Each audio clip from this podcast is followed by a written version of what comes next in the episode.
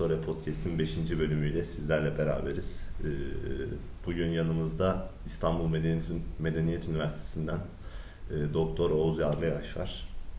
Hoş geldiniz hocam öncelikle. Hoş bulduk. Hocam yeniden hoş geldiniz. Ee, bugün sizinle Roma ordusunu konuşmayı planlıyoruz. Ee, öncelikle şunu sormak istiyoruz hocam. Roma ordusu nasıl ortaya çıktı? Evet, burada e, Roma ordusuna geçmeden önce e, herhalde biraz Roma'dan bahsetsek e, daha iyi olur. Tabii hocam. Roma çok küçük bir kent olarak yolculuğuna başladı. Bugün de işte İtalya'nın Roma şehri biliyorsunuz, başkenti İtalya'nın. O kentin çok küçük bir kısmı tıpkı bizim İstanbul dediğimiz zaman akla bambaşka bir şey geliyor bugün. Ama e, eski İstanbul e, sadece Sultanahmet ve çevresi biliyorsunuz. Aynı şey Roma için de geçerli.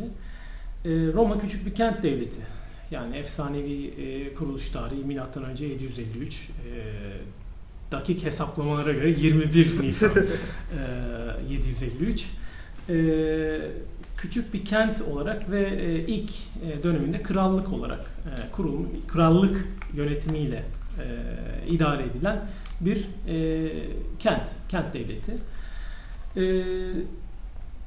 daha sonra tabii e, oldukça e, genişliyor biliyorsunuz. Bütün e, Akdeniz dünyasına yayılan büyük bir imparatorluk haline geliyor ve yaklaşık e, şeyi de e, dönemi de ne kadar 1500-2000 yıl eğer e, Bizans diye ayırdığımız kısmını da sayarsak işin içine katarsak e, milattan sonra 1453'e kadar yaşamış bir yapı olarak e, geliyor. E, tarihte yerini alıyor daha doğrusu. E, Roma ilk kurulduğunda dediğim gibi çok küçük bir e, yapı ve e, ben e, bu kapsamda e, ordudan bahsettiğimde aklıma aslında ilk e, kuruluşta bir milis ordusu geliyor. Yani en önemli e, özelliği krallık döneminin bu diyebiliriz. Ne neyi kastediyorum bundan? E, Roma devleti ilk kurulduğunda e, yaklaşık e, yani işte e, milattan önce 8. yüzyılın ortalarını düşünelim. O dönemlerde 3-5 bin kişilik bir e, yapıdan ibaret aslında ve kendi savunmalarını e, Roma e, vatandaşları bizzat kendileri yürütüyor. Krallık döneminin küçük, e, basit bir ordusu var. Hatta e, yani bunların bu söylediğim şeylerin çoğu e, efsanevi nitelikte bu arada. E, çünkü e, Roma tarihi veya eski çağ tarihi işte eski Yunan tarihi, eski e, Roma tarihi çalışanlarının e, böyle çok geniş devlet arşivleri ne yazık ki e, yok. Hani modern araştırmalara e, göre çok daha farklı e, kapsamda e, araştırmalar yürütülüyor. E, bizim o döneme ait kaynaklarımız da çok e, son derece kısıtlı. E, elimizde bir takım kaynaklar var ama yazılı kaynaklar var özellikle. Arkeolojik materyal var. Özellikle arkeolojik materyal çok kısıtlı. Yazılı metinler de e, önce 8. 700, 7. E, hatta 6. yüzyıldan değil çok daha sonrasında yaşamış insanlar tarafından yazılan kaynaklar. Milattan önce 1. yüzyıla ait kaynaklar. Dolayısıyla bunlar e, bir takım efsaneler e, etrafında örülü bilgiler. E, fakat yine de bir çerçevesini oluşturabiliyoruz e, bu e, döneminde. Orduya da baktığımız zaman aslında toplum yapısıyla e, bütünleşik bir durum arz ediyor diyebiliriz. E, neyi kastediyorum? Şimdi bu efsanevi bilgilere göre Roma ilk kurulduğunda üç e, efsanevi kabilesi var. İşte e, ismini vermeye gerek var mı bilmiyorum. Ramnes, Tities, Lukeres diye e, üç e, kabilesi var. Ve bu üç e, kabile e, yani modern terimlerle konuşacak olursak yani hani belki e, coğrafi kapsamını daha iyi e, bize verebilir diye söylüyorum. Mahallere diyebiliriz bunlara. Üç mahalle. Bu üç mahalle e, Roma ordusunun e, o dönemki yapısını oluşturuyor. Üç mahalleden biner kişilik e, gruplar e, bir araya gelip 3000 kişilik bir e, piyade birliği oluşturuyor. E, onun yanında da işte yine 3 e, bu kabileden veya mahalleden her e, nasıl isterseniz e, isimlendirmeyi e, yüzer kişilik e, süvari birlikleri oluşturuluyor ve e, çok basit kapsamlı gördüğünüz gibi 3-4 bin kişilik bir e, ordu söz konusu ilk zamanlarında. Yani her şey e, böyle e, ortaya çıkıyor ama daha sonra e, Roma büyüdükçe ihtiyaçlara binaen e, bu e, orduların mevcudunun e, Roma İmparatorluk döneminde 450-500 bine kadar vardığını da biliyoruz. E, hocam peki başlangıçta milis kuvvetlerden şekillendiğini söylediğiniz Roma ordusu e, hangi unsurlardan ve nelerden teşekkür etmiştir? Evet. Ee, şimdi zaten hani e, bir e, belli bir sayı vermiştim size daha önce. İşte piyade şu kadar e, süvariler bu kadar oluyordu. Bu basit şeyi çerçevesi bu. Peki bunlar kimler? Ondan da isterseniz biraz bahsedeyim. Roma krallık dönemindeyken Romalı insanlardan, Roma şehrinin e, ahalisinden oluşan bir kuvvet var. Yani daha o dönemde paralı askerler e, kavramı falan yok.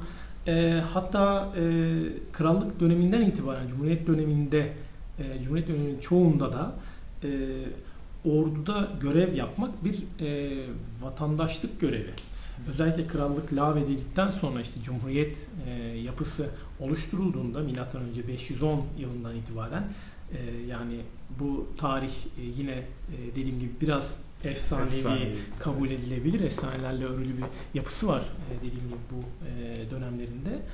Milattan önce 510 yılından sonra özellikle Cumhuriyet yapısı oluşturulduğunda vatandaşlık sıfatını da kazanıyor Roma'da yaşayanlar ve bu vatandaşlar için e, orduda görev almak, e, vatan toprağını savunmak e, çok e, şerefli bir görev, e, bir paye e, aynı zamanda.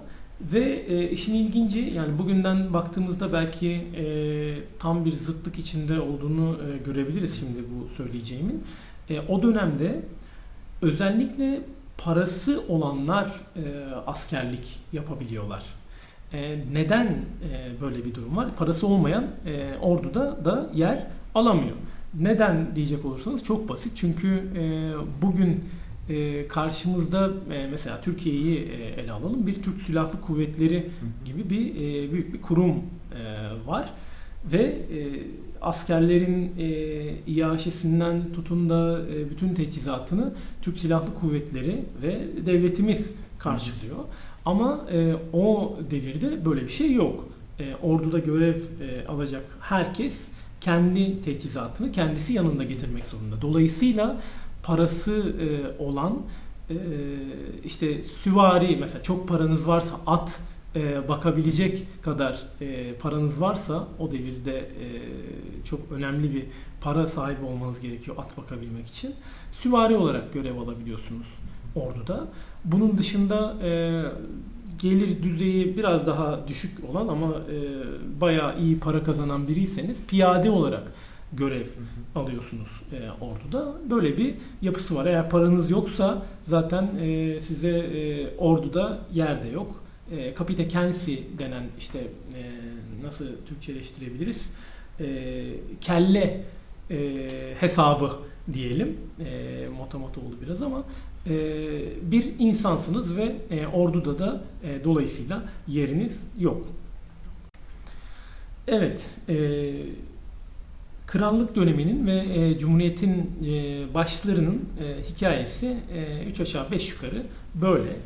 E, Tabi bu yüzyıllarda Roma yavaş yavaş genişlemeye de başlıyor. İtalya Yarımadası'nda çok farklı e, kabil, kavimler var, e, uluslar var. E, Roma Roma'yı kuran unsurların işte e, İtalya'nın yerel sakinleri olup olmadığı e, tartışmalı. E, o dönemde Etrüskler var. E, özellikle Roma'dan Roma'nın e, güçlenmesinden önce e, milattan önce 5. 4. yüzyıla kadar neredeyse güçlü e, olarak e, İtalya'da temsil edilen bir ırk bu e, Etrüskler. Onların da İtalya'nın yerli halk olup olmadığı e, tartışma konusu günümüzde e, yine İtalya'nın yerel halk olduğu e, düşüncesi biraz ağır basıyor ama e, halen tartışmalı bir e, durum söz konusu. E, çok farklı milletler var. Yani e, Roma'nın etrafında e, işte Roma'nın kurulduğu yer Latium olarak adlandırılıyor. Latin halkların yaşadığı bölge. E, üç aşağı beş yukarı Arno, Arnus e, bugünkü e, adıyla Arno Nehri kuzeyde olmak üzere e, kampanyaya e, kampanyayı da içine alan neredeyse bölge e, Latium bölgesi kampanyaya sınırı var daha doğrusu. E, Arno'nun kuzeyinde Etruria var. Etrüsklerin e, özellikle şehirlerinin olduğu e, bölge. E, Roma'nın e, doğusuna doğru baktığımızda e, Apeninlerin hemen e, ötesinde e, Samnitler var. Güçlü bir e, halk yine İtalya'nın yerel halklarından biri. Güneyde e, baktığımız zaman M.Ö. 8. yüzyıldan itibaren aslında e, bölgenin yerel e, halkı diyemeyeceğimiz unsurları, kesinlikle diyemeyeceğimiz unsurları görüyoruz. E, eski Yunan kolonileri var bu bölgede de.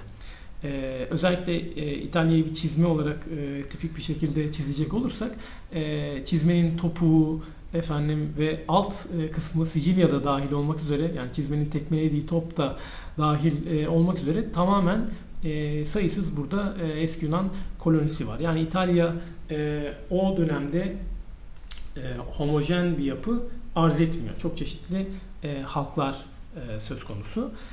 Yavaş yavaş milattan önce e, 5. yüzyıldan itibaren özellikle e, krallığın lağvedilmesinin ardından e, yeni bir yönetim idaresiyle e, birlikte e, Roma genişlemeye de başlıyor aynı zamanda. Genişledikten, genişlemeye başladıktan sonra e, tabii e, orduda bir takım e, yenilikler yapılması e, gündeme geliyor. Bu dönemde yapılan e, yani aslında krallık döneminde e, bir kral e, Servius Tullius adlı krala atfedilen bir takım reformlar var. Sosyal e, ve ekonomik reformlar.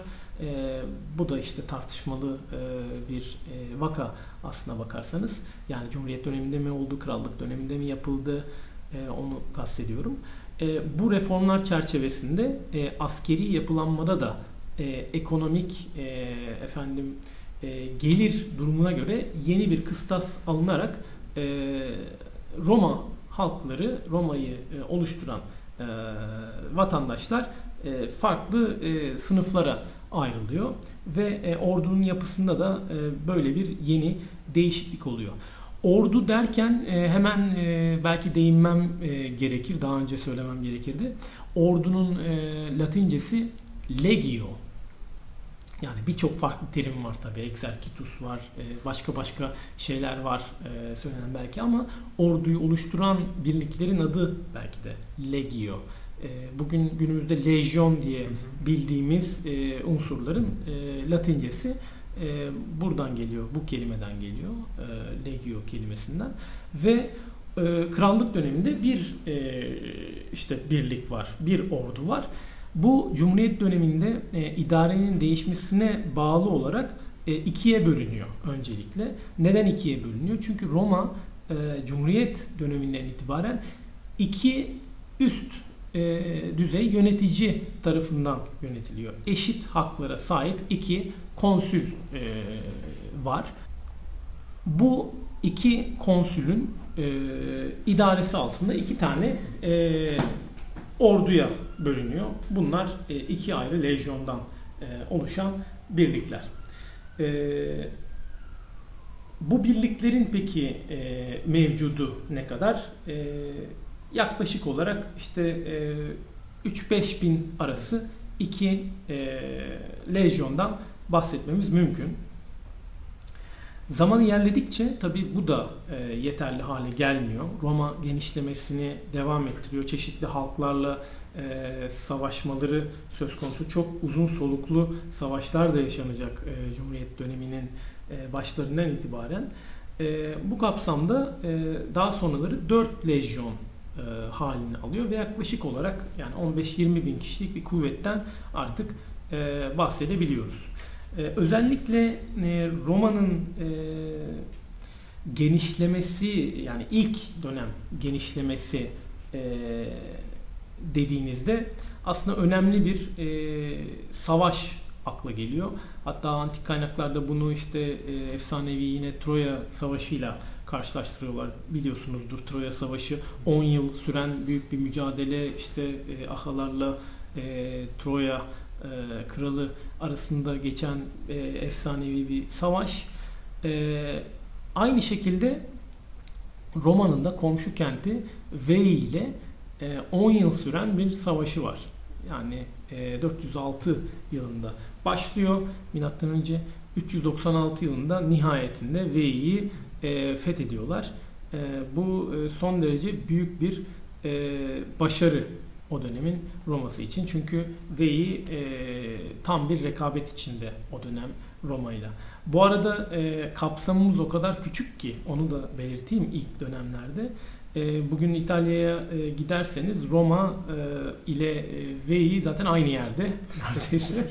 yani 5-10 kilometre e, uzağında bir e, şehir aslında Veii. Böyle bir e, küçük e, şeyden bahsediyoruz e, ilk dönemleri için. E tabi Roma e, Vei'nin fethinden sonra özellikle e, öncelikle Latium bölgesini ele geçirmeye başlıyor yavaş yavaş e, ve sonrasında e, Etrüsk kentlerini yavaş yavaş kuzeye doğru e, Apeninlerin doğusuna doğru varlığını genişletiyor. E, bu kapsamda Roma'nın başarılı e, olmasını nasıl e, açıklayabiliriz diye soracak olursanız ben peşinden sorayım e, sizin yerinize. E, burada birkaç unsur var. E, özellikle Roma'nın bütün tarihi boyunca yani Roma Cumhuriyet tarihi olsun, imparatorluk tarihi olsun e, en önemli özelliklerinden biri başarısında e, benim şahsi kanaatim gösterdiği kararlılık öncelikle. Son derece kararlılar. Yani e, belki çok kronolojik e, gidiyor olmayacağız ama e, atlayıp da e, şimdi değinmek istiyorum. E, Roma'nın büyük hezimetleri var tarihinde. E, erken dönemde de var bunlar. Örneğin işte Samnitlerle savaşırken M.Ö. 321 yılında aldığı çok e, büyük bir hezimet var. E, ondan yaklaşık 100 yıl sonra M.Ö. 216 yılında e, Kannay Muharebesi diye bir e, mücadele var. E, işte Kartacalı e, Hannibal komutasında ki e, birliklerle bir mücadele söz konusu. E, büyük bir hezimet yine yani e, 50 bin kişilik bir ordu tamamen imha ediliyor. 50 bin kişi hayatını kaybediyor e, Roma ordusu. Fakat buradan ayağa kalkmayı beceriyorlar her seferinde. Yani gerek e, Kaudin, e, Kaudina geçitlerinde e, M.Ö. 321 yılında Samnitlere karşı aldıkları hezimetin arkasından olsun gerekse işte Kannay Muharebesi e, ardından e, Hannibal'e karşı olsun müthiş bir direnç gösteriyorlar. Yani kararlılık e, Roma e, ordusunu Roma ordusu yapan en önemli unsurlardan biri bana soracak olursanız. Onun dışında şimdi bu genişleme sırasında yani gerek Orta İtalya'ya e, olsun e, daha sonra işte İtalya Yarımadası ve Sicilya'ya doğru e, genişleme olsun. Bu süreçte bir önemli e, unsur daha var e, Roma'nın e, başarısını e, getiren. O da kısmi de olsa paylaşımcılık göstermesi. Yani e, hep bana hep bana demiyor. Vatandaşlık hakkını e, dağıtıyor. E, şimdi bu e, günümüzden baktığımızda belki e, çok normal gelebilir e, insanın kulağına. Ama antik çağda e, şöyle bir durum var. E, biliyorsunuz çok e, irili ufaklı kent devletleri var. E, o dönemde e, Akdeniz'de özellikle eski Yunan kent devletleri var her yerde ve her kentte yani bunlar e, tabii Atina çok büyük bir e, kanser gibi büyümüş bir e, şey kent devleti çok büyük en büyük kent devleti belki e, o dönem için 250 ila 400 bin arasında nüfusu olduğu söyleniyor ama irili ufaklı 3-5 bin e, kişilik toplumlardan bahsediyoruz ve bunların her biri e, o kent devletinin vatandaşı olarak kabul edilir. E, ve vatandaş yani bir kent devletinin vatandaşlığını e, başka bir kent devletinin vatandaşına vermesi, paylaşması son derece e, olağanüstü bir durum. E, yani şöyle bir örnek vereyim. Örneğin işte Atina demokrasisi en canlı olduğu zaman M.Ö. 5. yüzyılda en demokratik döneminde Atina'nın vatandaşlığını diğer unsurlara dağıtması çok daha zor hale getirilmişti kanunlarla. Hani böyle böyle bir e, durum varken, genel durum varken Roma bunun aksine bir e, davranışla fethettiği bölgelerde herkese değil tabii. Yani herkese bir takım ayrıcalıklı e, haklar tanıyor.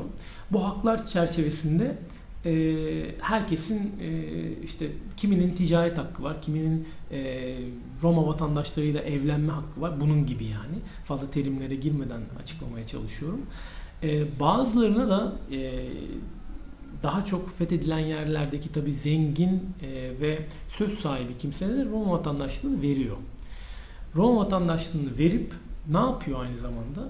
Roma ordusunun e, insan gücünü de arttırıyor.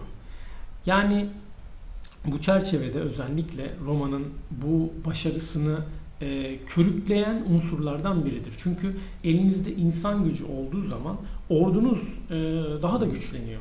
Ve karşınızdaki e, insanların e, aksine siz e, sürekli popülasyonunuzu arttırıyorsunuz. Böylelikle e, ordunuzun da gücü bu şekilde artmış oluyor. Eğer bu şekilde davranmamış e, olsaydı e, Roma tabii ki e, karşısındaki e, yani Kartaca'ya falan gelmiyorum veya işte kendisinden çok daha deneyimli, güçlü, e, geçmişleri çok parlak olan Helenistik krallıkları falan saymıyorum. Onlara gelmeden zaten İtalya Yarımadası'nda muhtemelen ilerleyişi e, durmak durumunda kalabilirdi. Yani aslında hocam ateşli silahların olmadığı bir dönemde Roma'nın insan gücünün ne kadar doğru ve hani amacına uygun şekilde kullandığını söyleyebiliyoruz. E, kesin kesinlikle e, bunu ifade edebiliriz. Doğru e, bir ifade olacaktır. E, şimdi Roma'nın değişen değişen yapısından e, bahsettik. İsterseniz oradan devam edeyim. E, çünkü e, Roma'nın toplumsal e, dönüşümü ordusuyla, ordusunun dönüşümüyle birebir e, alakalı ve yaşadığı e, savaşlar, karşılaştığı e, milletler Roma ordusuna gerçekten e, birebir etki ediyor. Yani bir, buradan aslında bir başka özelliğine daha geliyoruz. E, Roma ordusunu geliştiren ve Roma'nın başarısını e, getiren unsurlardan bahsediyorum. Karşılaştıkları yani muharebe e, ile karşılaştıkları dost olarak veya düşman olarak karşılaştıkları milletlerden e, kendilerine yontarak e, iyi taraflarını alıyorlar. Bu ordu için son derece geçerli bir şey. Ee, yine çok kronolojik olmayacak belki ama e, aklıma gelmişken söyleyeyim. Yani İspanya'ya gidiyorlar. E, Kartaca'nın o dönemde toprakları var. Kartaca savaşları bağlamında özellikle gidiyorlar İspanya'ya. İspanya'da bir e, silahla karşılaşıyorlar. O dönemin e, AK-47'si gibi bir e, silah bu. Gladius e, belki duym, duymuşsunuzdur. E, hatta Gladio diye bir yapılanma evet. falan var ya. E, oradan gelir o da. Gladius bir İspanyol e, kılıcı. Yani kılıç mı diyeyim, hançer mi diyeyim bilemedim. Çünkü yani bildiğiniz bu bizim Osmanlı kılıçları gibi böyle e, alabildiğine büyük bir şey değil. Daha çok yani şu e, yani 60-70 santim şu anda tam olarak hatırlayamıyorum e, şeyini e, büyüklüğünü ama onu geçmeyecek nitelikte bir kılıç bu. E, İspanya'da verilen e, mücadeleler sırasında bunlar bu e, silahla karşılaşıyorlar ve kendilerini adapte ediyorlar bunları.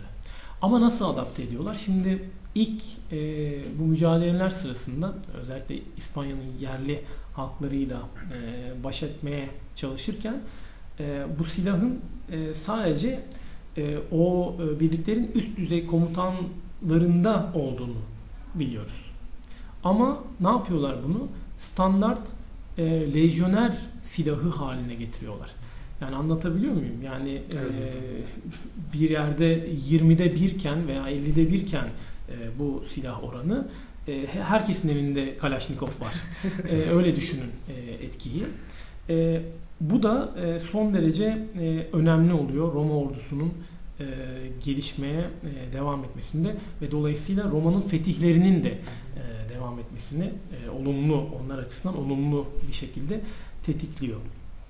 Ee, Sanırım hocam hani imparatorluk ya da imparatorluğa giden süreçteki devletlerin ortak özelliği hani kendilerinden daha iyi bir teknolojiye sahipse eğer rakipleri yani onlardan daima bir, şey, bir şeyler esinliyorlar. Daima onu kullanmaya çalışıyorlar.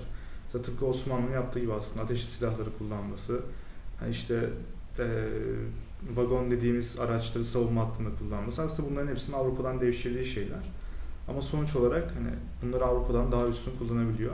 Yani Roma'nın aynen yaptığı şey buydu aslında. Ee, yani e, bu benzetmenin doğru olduğunu düşünüyorum ben de. Ee, yine örnekler üzerinden gidelim e, dilerseniz. E, şimdi İtalya Yarımadası'na e, hakimiyetini geliştiren bir Roma var. E, Orta İtalya, Etrurya e, ve Latium e, Roma'nın elinde.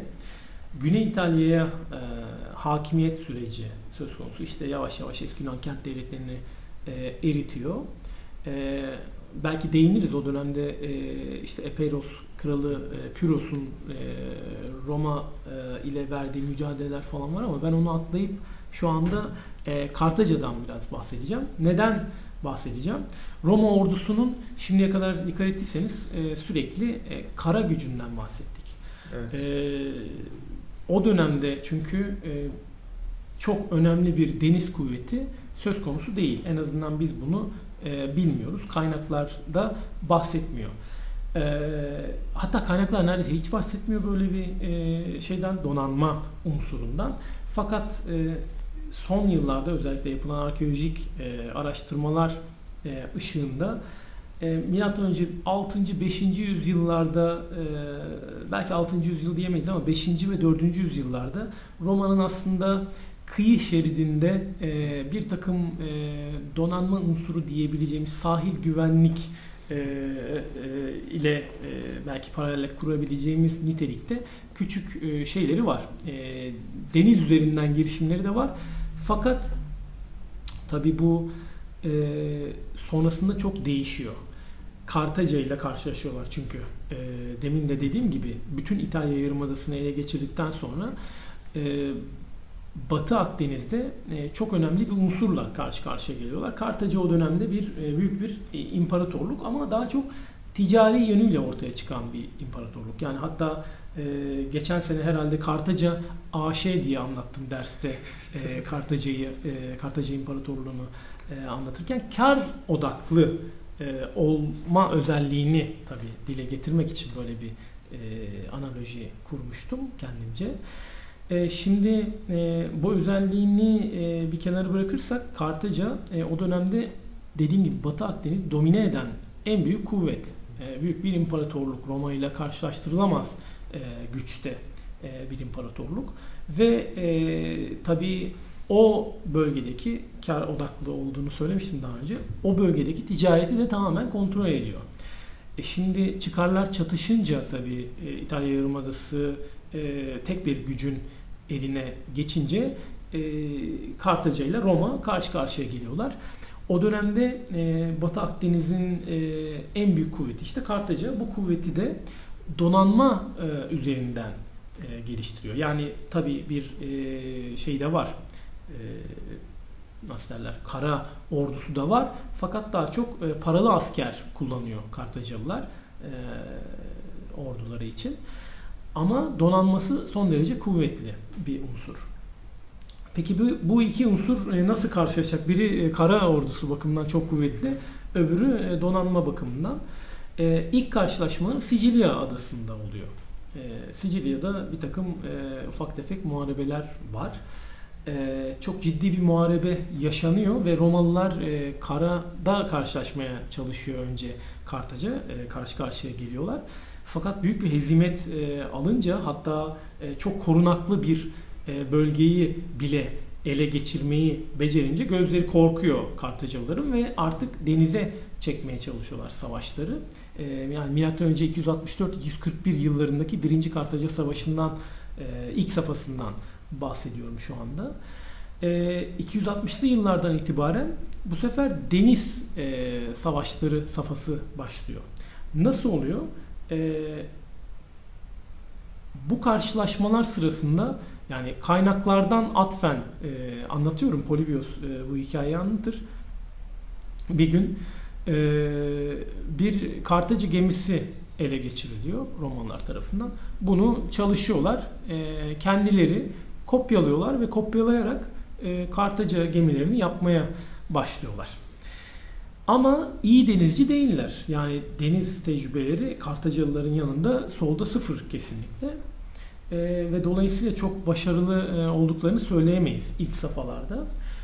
E, ve kendi güçlerini yani kara gücünü nasıl e, etkin bir şekilde denize transfer edebiliriz diye düşünüyorlar. E, şimdi deniz savaşları ile ilgili bir e, fikriniz var mı bilmiyorum. E, o yüzden e, biraz belki geniş olacak ama anlatayım. Deniz savaşları eskiden nasıl oluyordu? E, basitçe e, işte iki donanma karşılaşıyor. E, bu şeylerin e, gemilerin e, güçlü bir provası provası ön tarafında şey var. E, bir e, nasıl diyeyim? E, çarptığın zaman etki edebilecek, e, gemiyi yarabilecek e, özellikle bir kısmı var. O kısımla e, geminin mümkünse ortasına doğru e, hareket ediyorsunuz. E, eğer e, çarpışma sırasında zaten düşman gemisi batarsa batıyor. Batmazsa da bu sefer e, şey yapıyorsunuz yani e, çarpışıyorsunuz gemi üzerinde. Şimdi işte bu durumda e, yine dönelim e, Roma e, kısmına. Bu gemileri nasıl daha etkin kullanabiliriz kara gücümüzü e, daha etkin kullanabilmek için diye düşünüyorlar ve bir alet geliştiriyorlar. E, standart Kartaca gemilerinin e, ön tarafına bir köprü koyuyorlar. Corvus bunun adı. Karga demek yani karga burun e, demek daha doğrusu. Ne yapıyorlar? İşte bu yanaşma söz konusu olduğu zaman yani çarpışma vesaire e, bu e, köprüyü diğer gemiye atıyorlar bir şekilde ve bütün e, şey mürettebat diyelim diğer gemiye geçiyor rahatlıkla ve orada e, şeyin diğer düşmanların diyelim işini bitiriyor. Yani bu çok teknik e, bir çok önemli bir teknik gelişme. Bu sayede karada çok büyük avantajı olan Roma e, denizi bir karaya çeviriyor aynı zamanda. Yani kara gücünü naklediyor gemilerin üzerine ve Kartacalıları bu şekilde e, perişan ediyor gerçekten. E, perişan ediyor derken yani neden o zaman hemen işini bitirmiyor e, diye düşünebilirsiniz. Eskiden savaşlar tabi böyle e, sürekli devam eden e, olaylar değil çoğu zaman. E, bir belli bir mevsimleri var. Hatta yani bu krallık döneminin ilk başları için falan da geçerli. Profesyonel bir ordu değil. Hani hatırlarsanız bir dönelim isterseniz oraya. E, işte 3-4 bin kişilik bir şeyden bahsetmiştim. Mahallelerden örgütlenen e, şeylerden, vatandaşlardan bahsetmiştim. Onlar e, bir dönemliğine e, askerdeler, ordudalar. Yani sürekli yaz kış devam eden e, kurumsal bir yapı söz konusu değil. Kartaca Savaşları döneminde de kısmen böyle. Yani zaman zaman değişiklikler oluyor. Uzun süren muharebe dönemleri olabiliyor ama e, belli bir savaş dönemi var. E, yani böyle ifade edebiliriz belki de. Bu dönem Mart ayından başlar bizim takvimimize göre. Ekim ayında biter. Neden Mart ile Ekim arasında e, diye soracak olursanız Ekim yani adından da biz anlayabiliriz. E, bunlar çiftçi, e, insanlar tarlalarına dönmek durumundalar falan. Böyle bir durum var yani. E, birinci sebebi o kadar uzun sürmesinin bu. E, ikincisi de çok büyük felaketler yaşıyorlar. Tamamen bu e, Kartaca Savaşı için, e, birinci Kartaca için e, söylüyorum bunu. Tamamen tecrübesiz e, olduklarından denizde. E, yanlış yere bırakıyorlar donanmayı. 300 e, gemilik donanmanın %80'i fırtınada batıyor mesela. Yani bu çok büyük bir felaket belki. Ama işte kararlılığı yeniden görüyoruz burada. Aynı e, süreçte 3 ay içerisinde kaynakların yine anlattığına göre e, çok daha fazlasını e, yapıyorlar. Yani 300 gemi daha yapıyorlar ve bu da inanılmaz bir şey. Yine o işte hem kararlılığı görüyorsunuz hem de 300 donanmayı inşa edebilecek insan gücünü de aynı zamanda burada e, örnek üzerinden görebiliyoruz. E, işte ihtiyaçlara göre gelişen bir yapı bu. Yani hem bu Roma e, dediğimiz e, varlık içinde yani devlet içinde bunu e, söyleyebiliriz. İhtiyaçlara göre ne ihtiyacı varsa o şekilde geliştiriyor kendisini. Ordu içinde aynı şeyi söylememiz e, son derece mümkün. Bu e, deniz savaşları işte birinci Kartaca Savaşı örneğinde de gördüğümüz gibi. Hocam şimdi baştan itibaren e, öncelikle e, 3000-5000 kişiden oluşan bir ordudan başladığını gördük. Zaman içinde gelişti, e, etrafına yayıldı. Hı. E, bundan sonra peki imparatorluk dönemine gelindiğinde ordunun gelişimi ne duruma gelmişti? Evet. Şimdi yani e, ben e, eğer izin verirseniz biraz daha geriden başlayacağım. Bıraktığım yere e, bağlamak için çünkü e, arada e, önemli bir e, dönüşüm söz konusu. Hem toplumsal e, bir dönüşüm buna bağlı olarak orduda da e, bir e, anlayış e, değişimi söz konusu. E, tabi burada hemen belirteyim arada e, belki söylemek olacak e, bu ama e, şimdi konu Roma ordusu ve e, dediğim gibi ya, yaklaşık 2000 yıllık bir e, süreç söz konusu. E, dolayısıyla her e, veçesine, her e, yönüne e, değinemiyoruz. E, bazılarında çok e, hızlı geçmek e, durumunda kalıyoruz. E, dinleyicilerimizden özür diliyorum bu e, fırsatla. E, şimdi Cumhuriyet döneminin e, ortalarında böyle bir durum e, söz konusu. E, daha önce bahsetmiştik herhalde. İhtiyacı binaen bir takım değişiklik, değişiklikler oluyor. Hem idarede oluyor bundan hem de orduda oluyor. İlk dönemde bahsettiğimiz üzere aslında mevsimlik çalışan bir ordu kurumu söz konusu. Ama yavaş yavaş fethedilen e, yerler olma, e, devam ettikçe, geliştikçe İtalya Yarımadası'nın dışına taştıkça Roma'nın varlığı e, buralarda daimi bir takım oluşumlar e, ordu e, askeri açıdan daimi bir takım oluşumlar e, bulundurulması gerekliliği ortaya çıkıyor ve bu kapsamda aslında artık e, ordu yavaş yavaş M.Ö. 3. yüzyılın e, son çeyreğinden itibaren özellikle yavaş yavaş değişmeye başlıyor ve aslına bakarsanız belki biraz erken e, olarak değerlendirilebilir ama profesyonelliğe giden yol artık açılıyor e, diyebiliriz ordu açısından. Şimdi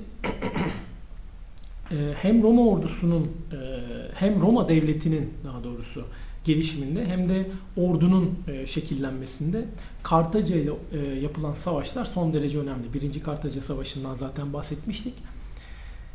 İkinci Kartaca Savaşı'nın e, belki en önemli muharebelerinden biri olan Kannay'dan da bahsettik.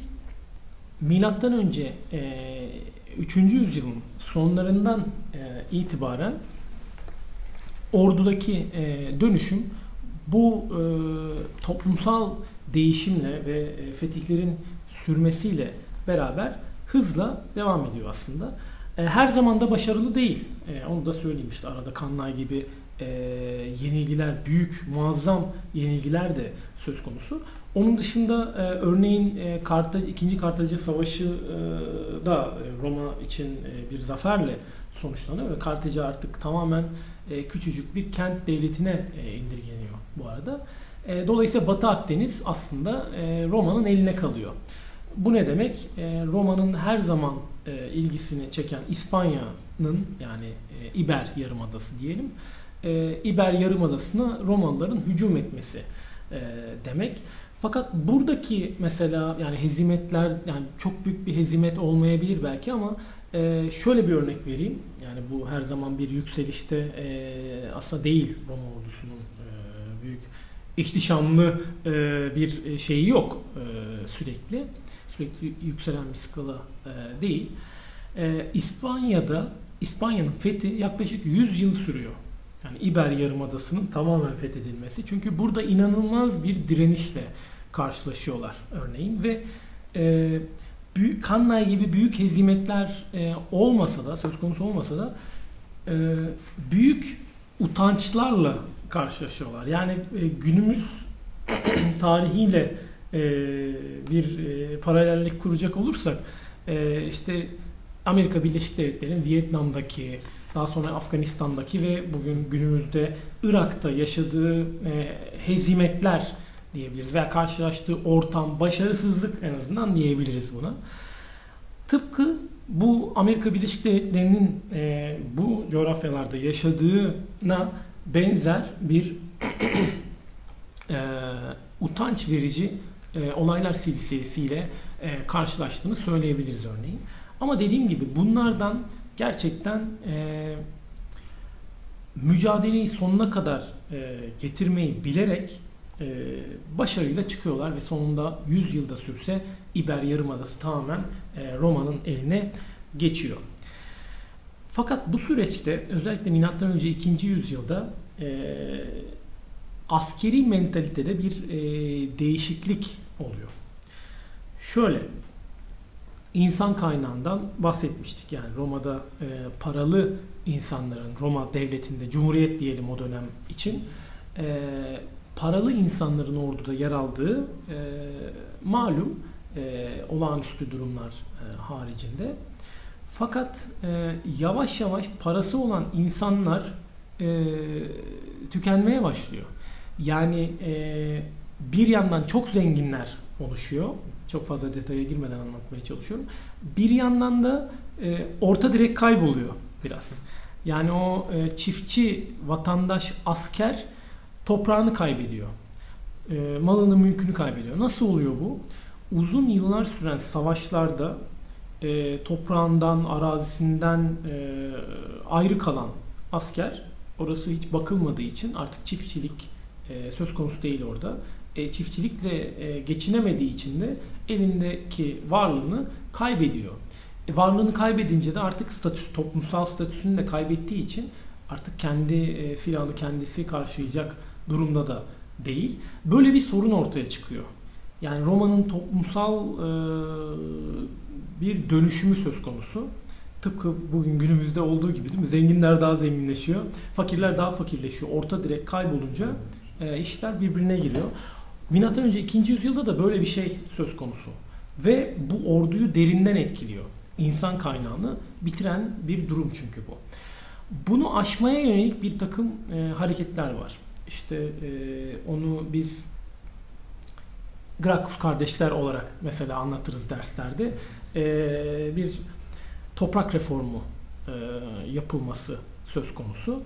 E, bu çabalar özellikle Gracchus kardeşlerin e, çabaları sonrasında M.Ö. 1. yüzyılın e, başlarına gelindiğinde orduda da bir takım değişiklikler oluyor. Yani bu toprak reformu ve falan olayı çözemeyince ordu açısından bu sefer orduların e, insan gücünü çoğaltmak için kapıları fakirlere açıyorlar. Ve bu aslında e, Cumhuriyet'in sonunu getiren e, bir meseledir aynı zamanda. E, o bakımdan özellikle değinmek istedim. E, buna tarihte e, Marius reformları diye e, rastlayabilirsiniz. Marius'a e, zaman zaman e, atfedilir. Marius'ta başlayan bir şey değil belki. E, fakirlerin e, orduya alınması fakir derken yani kendi teçhizatını temin edemeyecek durumda olanların. E, Marius'tan önce olağanüstü durumlarda örneğin Kannay Savaşı'nın e, ardından kölelerin bile orduya alındığını biliyoruz ama Marius'tan itibaren bu biraz daha sık olmaya başlıyor. E, Marius dediğim önemli bir komutan hatta işte anlatılır yedi kez konsül e, seçilen çok güçlü bir e, isim. O dönemde Roma'nın içinde bulunan e, içinde bulunduğu e, bir takım güçlüklerin aşılmasını son derece önemli. Çok e, forslu bir komutan. Öncelikle Kuzey Afrika'da büyük bir e, düşmanı bertaraf e, ediyor. Daha sonra da ondan çok daha ciddi bir e, risk e, arz eden Roma için, Roma'nın varlığı için e, Kimri ve e, Tevton adlı kavimler var. Po e, Ovası ve e, kuzeyinde. Onlara karşı inanılmaz e, zaferler e, getiren bir komutan bu ve bunu e, bu şekilde çözüyor. Proletarya diye belki desem ve bilirsiniz aşina olduğunuz bir e, terim bu. Proletari. E, işte bu sınıfı yani e, işi gücü olmayan e, parasız e, olan sınıfı ordulara dahil ediyor. Gönüllü olarak askere alıyor insanları ve lejyonlarında bunlara yer veriyor. E, bunlara daha sonrasında yani bu savaşlar sonra bir takım yani bir e, dönem orduda görev aldıktan sonra toprak vaat ediyor. Bunlara toprak veriyor. Yani bunlara emeklilikten sonra da bir e, hayat e, olabilir e, diye bir hayal satıyor ve başarılı oluyor aslında. E, bu tabi e, milattan önce 30 yılından sonra profes, tam anlamıyla profesyonelleşecek e, ordunun öncesinde e, profesyonelliğin e, ayak seslerini duymamızı sağlayan e, hareketler bunlar. Yani e, tamamen kurumsal bir e, dönüşüm söz konusu değil henüz ama oraya doğru artık gidiyoruz. E, fakat burada e, işte demin de söylediğim e, Roma Cumhuriyeti'nin sonunu e, getiren e, en önemli adımlardan biri de e, gerçekleşiyor. Bu kişiler kendilerine bu hayalleri satan, bu vaatleri veren komutanlarına bağlanmaya başlıyorlar tamamen. Daha önce buradan önceki duruma baktığımızda aslında o e, vatandaşların veya orduda görev alan unsurların e, Roma devletine bir sadakatleri var. Roma devleti için savaşıyorlar. Ama bu saatten sonra, bu saatten itibaren yani Marius'la e, açılan kapıyla birlikte ortaya e, artık yavaş yavaş tek adamlar dönemi çıkacak. Güçlü komutanlar dönemi. E, bu kişilere sadakat önemli hale gelmeye başlıyor. Ve dolayısıyla artık milattan önce 1. yüzyılın başından itibaren Roma'da yaklaşık 70 e, yıl yani bir takım kesintilerle beraber 70 yıl kadar sürecek bir iç savaşlar dönemi başlıyor. Roma'nın kendi unsurları kendi aralarında bir çıkar mücadelesi vermeye başlıyorlar ve bu tek adamlar bu e, toplulukları arkalarına alan e, güçlü isimler e, ki bunların çoğu e, soylu ailelerden gelir. İşte bunlar isim vermek gerekirse Sulla, Marius'tan sonra Sulla, Pompeius, efendim e, başarılı, çok başarılı bir komutan olmasa da Crassus, e, Kaysar ve e, nihayetinde e, Octavianus e, olarak karşımıza çıkar.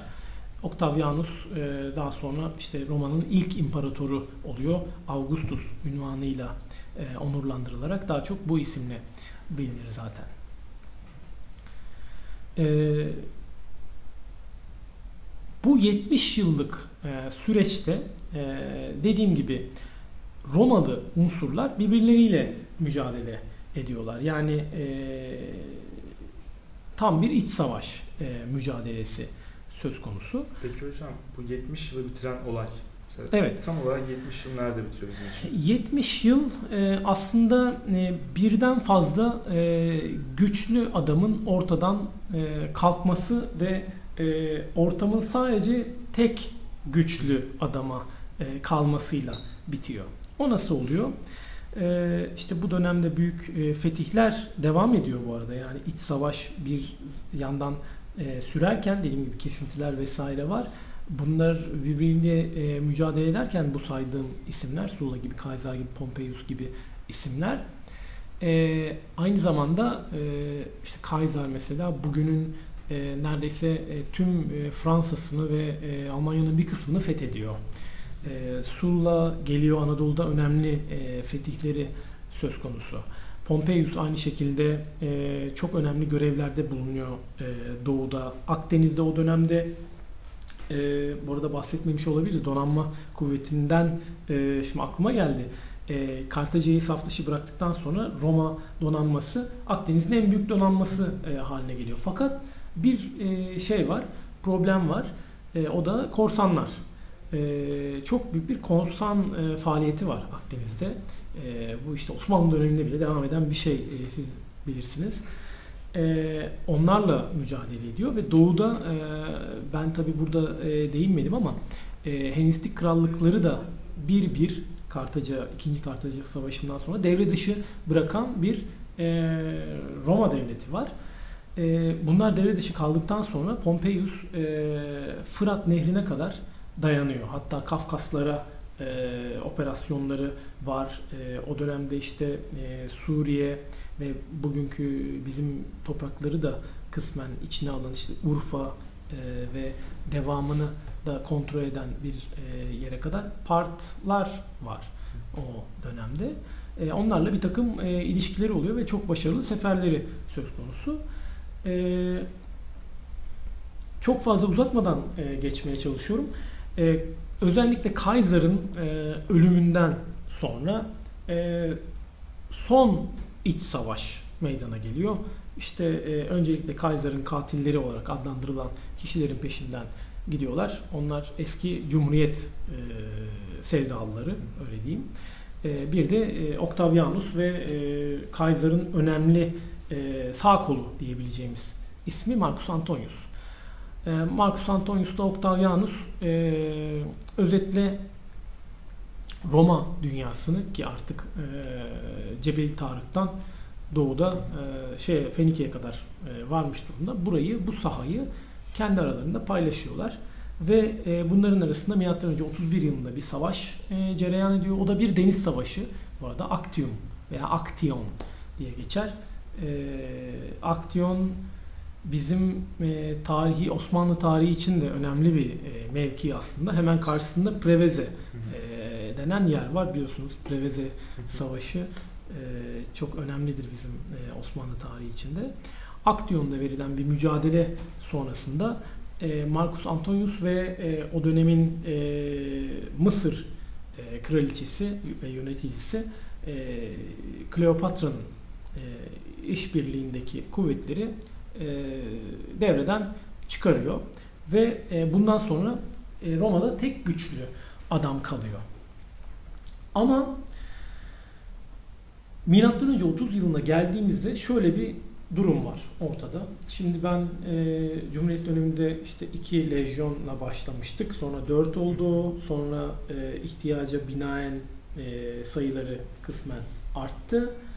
E, Milattan önce 30 yılında yaklaşık 60 lejyon var. İç savaşlar sırasında e, çeşitli tarafların çeşitli orduları var. Bunlar ordu besliyorlar kendi arkalarında. Ve e, Marcus Antonius tarafında e, savaşan lejyonlar var. Bir de öbür tarafta Octavianus e, için savaşan lejyonlar var. Ne yapacağız şu anda? Çünkü hepsi Romalı evet. bunların. E, Octavianus e, sonraki adıyla Augustus diyeyim artık bu e, saatten e, itibaren. Augustus burada çok önemli bir adım atıyor ve Marcus Antonius'un tarafında e, yer alan askerleri dışlamak yerine yani kısmen dışlıyor ama e, bunları öldürmüyor. Ne yapıyor? E, bu 60 lejyonun yarısını 30'unu e, emekli ediyor bir şekilde ve e, o dönemde Roma toprağı olan bölgelere yerleştiriyor. Koloniler kuruyor, askeri koloniler. Bu askerleri oraya yerleştiriyor.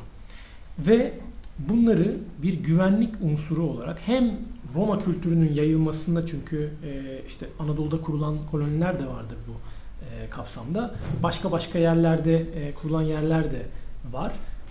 Roma kültürünün nispeten zayıf olduğu yerlerde de diyebiliriz e, kurulduğunu bunların. Bunları e, kurarak güvenliği de sağlıyor. Roma kültürünün de yayılmasını sağlıyor bir şekilde. E, bir nevi kazan kazan oluyor. Diğer 30 lejyon da tamamen kendine bağlanıyor. Artık işte ordunun tamamen profesyonelleşmesi e, bu tarihlerden itibaren gerçekleşiyor. Augustus e, artık e, mevsim mevsim veya işte sefer sefer e, kullanılan orduları, lejyonları e, kurumsal ve profesyonel bir hale getiriyor. kendine bağlıyor e, tüm askerleri. Aynı işte e, 1930'larda Hitler'in e, yaptırdığı gibi bütün askerleri e, kendine yemin ettiriyor. Kendine e, sadık e, kılabilmek için. E, ve bunların e, ordusu, e, bunların oluşturduğu ordu tamamen profesyonel oluyor. Ne demek e, bu? E, açıklayayım biraz daha. Askerlerin belli bir çalışma süresi oluyor. Çalışma yılı oluyor. E, belli bir maaşları oluyor. E, emeklilik sonrası belli hakları var. İkramiye alıyorlar. E, bunun dışında işte bir takım kolonilere e, yerleşebiliyorlar. Bunun gibi e, bir e, durum var ve e, Augustus bunları bunların her birini, bu lejyonların her birini imparatorluk genelinde e, sınır boylarına konuşlandırıyor. 30 lejyon işte e, Ren'den e, Almanya'nın e, ortasından e, geçen Ren nehrinden Tuna e, boylarına kadar batıda, e, doğuda da e, Fırat e, nehrine yani e, şeyden düşünelim en kuzeyde e, Trabzon ve Gümüşhane'den aşağıda Yemen'e kadar olan hattı koruyacak şekilde yavaş yavaş oraya konumlandırılıyor. Britanya'da da bu arada zamanla birlikler olacak ve bu yapı artık günümüzün de ordularının temelini oluşturacak şekilde bir yapı haline geliyor. Hocam yavaş yavaş da süremizin sonuna doğru geliyoruz. Ee, demek isteyeceklerinizi toplayabilirseniz. Hı hı.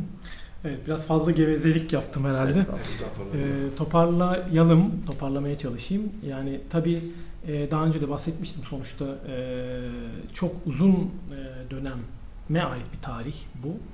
E, dolayısıyla sadece birkaç şeye e, değinebiliyoruz bu kısa sürede. E, son olarak şunu söyleyebiliriz belki. E, bu ordunun Augustus tarafından e, profesyonelleştirilmesi e, sonrası bu e, yapı varlığını e, uzun dönem e, değişmeden yani ufak e, alterasyonlarla devam ettirdi, sürdürdü. E, sonrasında e, milattan ön, milattan sonra e, 3. E, yüzyılın sonlarına doğru Diocletianus diye önemli bir e, Roma imparatorunun e, zamanında yapılan kapsamlı değişikliklerle aslında e, yapısını daha sonra tabi e, Büyük Konstantin'in zamanında e, yapılan bir takım e, yine e, reformlar söz konusu. Bu şekilde varlığını aslında e, uzun e, yüzyıllar boyunca devam ettirdiğini söyleyebiliriz. E, dolayısıyla Augustus'un e, ordu açısından e, getirdiği bu e, şeylerin, şartların e, önemini buradan da belki anlayabiliriz. Son olarak şunu da e, söylemem gerekir belki. E, demin de e, kısaca bahsettiğim üzere e, Roma'nın artık e, hayatını e, bitirmesinden sonra bile Roma ordusu e, modern e, ordulara gelene kadar biz yani 18-19. yüzyıla gelene kadar işin içine e, silah e, unsuru bile girmesinden sonra bir vakit e, Batı uygarlığı en azından dediğimiz e, yapı üzerinde e, varlığını e, sürdürmeye devam etti. E, yani ordular baktığınız zaman temelde Orta Çağ'ın Avrupa'sı için konuşuyorum. Bütün orduların şekillenmesinde Roma ordusunun bu yapısı dikkate alınmıştır ve hatta e, 18. 19. E, yüzyıla kadar işte o dönemlerin belki Amerika'da West Point Akademi'de e, bile e, derslere konu olmuş bir e, ordudan bahsediyoruz. E, bugün İstanbul Medeniyet Üniversitesi'nden Oğuz Yarlıgaş bizlerle beraberdi. Hocam çok teşekkür ederiz. Ben teşekkür ederim. Için. E, Historia Podcast'in 5. bölümünün de sonuna geldik. E, bir dahaki bölümlerde görüşmek üzere. Kendinize iyi bakın. Esen kalın.